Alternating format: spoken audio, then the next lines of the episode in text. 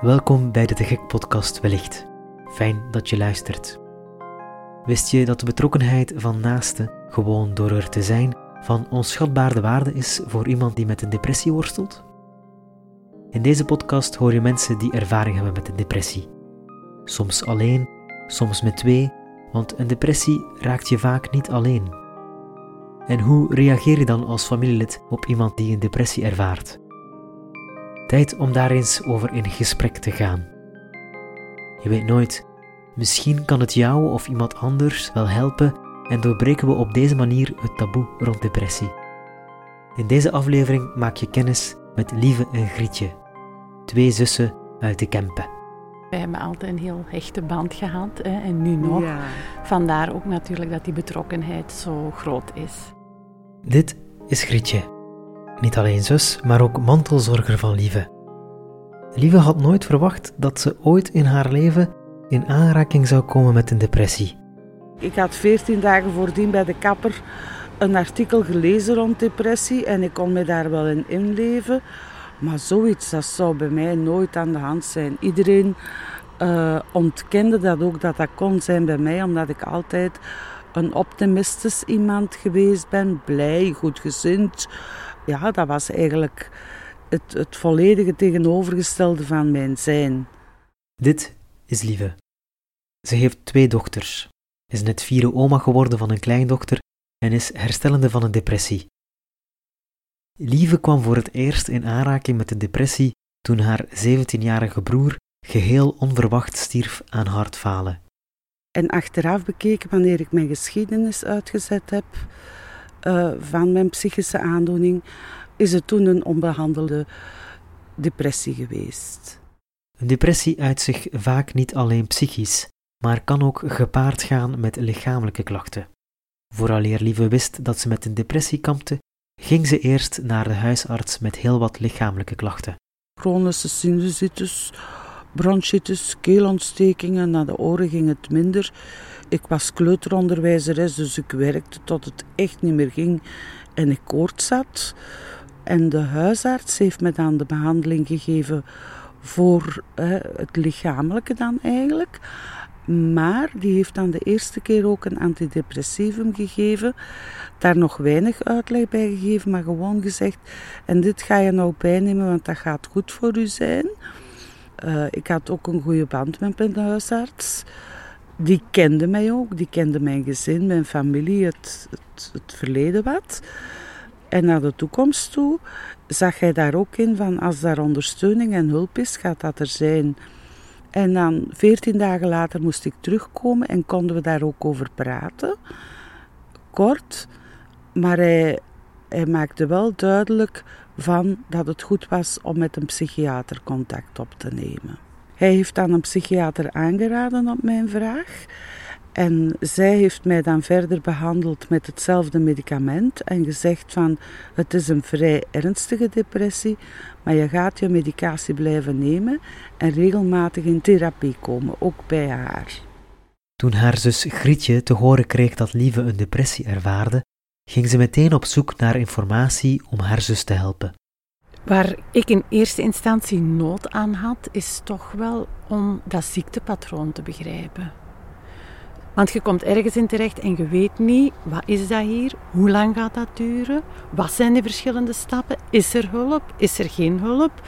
Wij kenden niks van, van het geestelijke gezondheidslandschap in Vlaanderen, helemaal niet. Je hebt wel eens van een psychiatrische instelling of kliniek gehoord, maar daar blijft het dan ook bij. Dus voor mij was het toch wel belangrijk van te begrijpen van oké, hoe, hoe ziet dat hulplandschap er hier uit? En dat was heel moeilijk om daar eigenlijk in dat kluwen een beetje uw weg te vinden. Ik heb verschillende paden bewandeld. Uh, ik uh, ben op het werk naar de, ja, wat we toen noemden de sociaal assistent gegaan eigenlijk, om, uh, ja, om hulp te vragen. Dat heeft natuurlijk heel, heel veel geholpen, ook om even ook bevestiging van oké, de hulp die gebied, dat is goed. Dat is toch ook wel belangrijk, omdat die wel anders was dan wat ik vanuit de omgeving aanvoelde. Dus dat gaf mij wel het vertrouwen van oké, ik, ik blijf daarin geloven. Verder naar de bibliotheek, boeken opzoeken, mensen in mijn omgeving, een vriendenkring, familie aanspreken om te horen van ja, zijn er nog mensen die daar raad kunnen geven, die hetzelfde meegemaakt hebben. Ehm, en misschien even over dat raad geven. Ook iedereen heeft altijd wel goede raad klaar, maar ja, dat is niet altijd de, de juiste raad. Als ons lief zo weken op de zetel lag en er niet uit kwam, ja, ik bleef elke dag aanbieden van, hè, kan, zullen we toch niet even, hè, even recht staan, toch even buiten gaan? Nee, uh, ja, dan zei de omgeving, alleen dat kan toch niet? Ja, wel, dat is wel zo.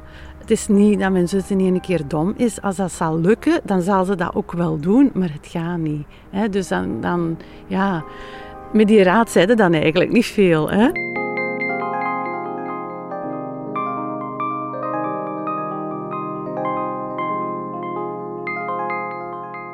Hoe help je de persoon zelf? Is door er te zijn, door te luisteren, door begrip te hebben en door niet zelf uw mening op te dringen.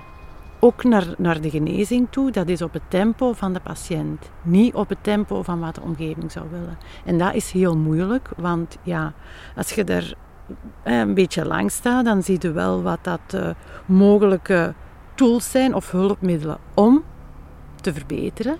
Maar het is de omgeving niet die het moet zien, het is de persoon zelf die moet kunnen zien van oké, dat zou iets zijn dat mij zou kunnen helpen. De steun van Grietje was enorm belangrijk in het herstellen van Lieve.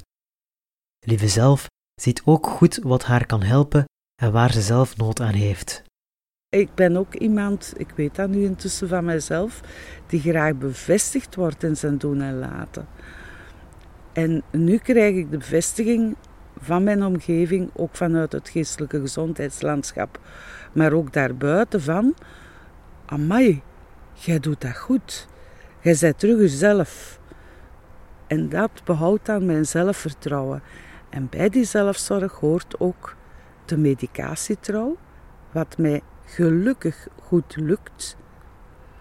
En therapietrouw en ook het lotgenotencontact binnen Ups and Downs. Ups and Downs is een vereniging voor personen met bipolaire stoornis of depressie en mensen uit hun omgeving. Elke maand komen lotgenoten en hun naasten samen tijdens praatgroepen om hun ervaringen te delen. Wel, je komt met mensen onder elkaar waar je uh, direct een connectie mee voelt. Wij zeggen dikwijls, wanneer je A zegt, weet je B ook al. Onze groep in geel, daar zijn de, de lotgenoten als patiënten-cliënten, maar ook de familie en de omgeving bij betrokken. En zo komen wij tot een gesprek, in groepsgesprekken, uh, tot het horen van wat je zelf ook hebt meegemaakt. De vraag vanuit andere mensen, hoe ga je daarmee om? En je biedt hen iets, maar je krijgt zoveel terug dat dat ondersteunt in mijn herstel. Dat dat een blij gevoel geeft wanneer ik naar huis rijd. Wanneer ik de maand nadien terug ga of daar kan naar uitkijken. Ik zei het al in het begin van deze aflevering. Een depressie raakt je vaak niet alleen.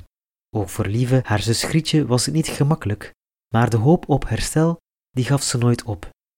Dat geeft ze ook mee als raad voor iemand uit de omgeving van een persoon die momenteel een depressie ervaart. Blijven geloven dat er uh, een periode komt dat het beter gaat. Hoe lang het ook zal duren, het wordt wel beter. Als hè, ons liefdeperiode had, als uh, um, ja, toch wel een vrij lange periode dat het niet ging. Um, ja, vooral geen verwachtingen scheppen, geen druk opleggen, er zijn. Uh, en geloven dat die innerlijke kracht bij ons lief, dat dat wel zal terugkomen.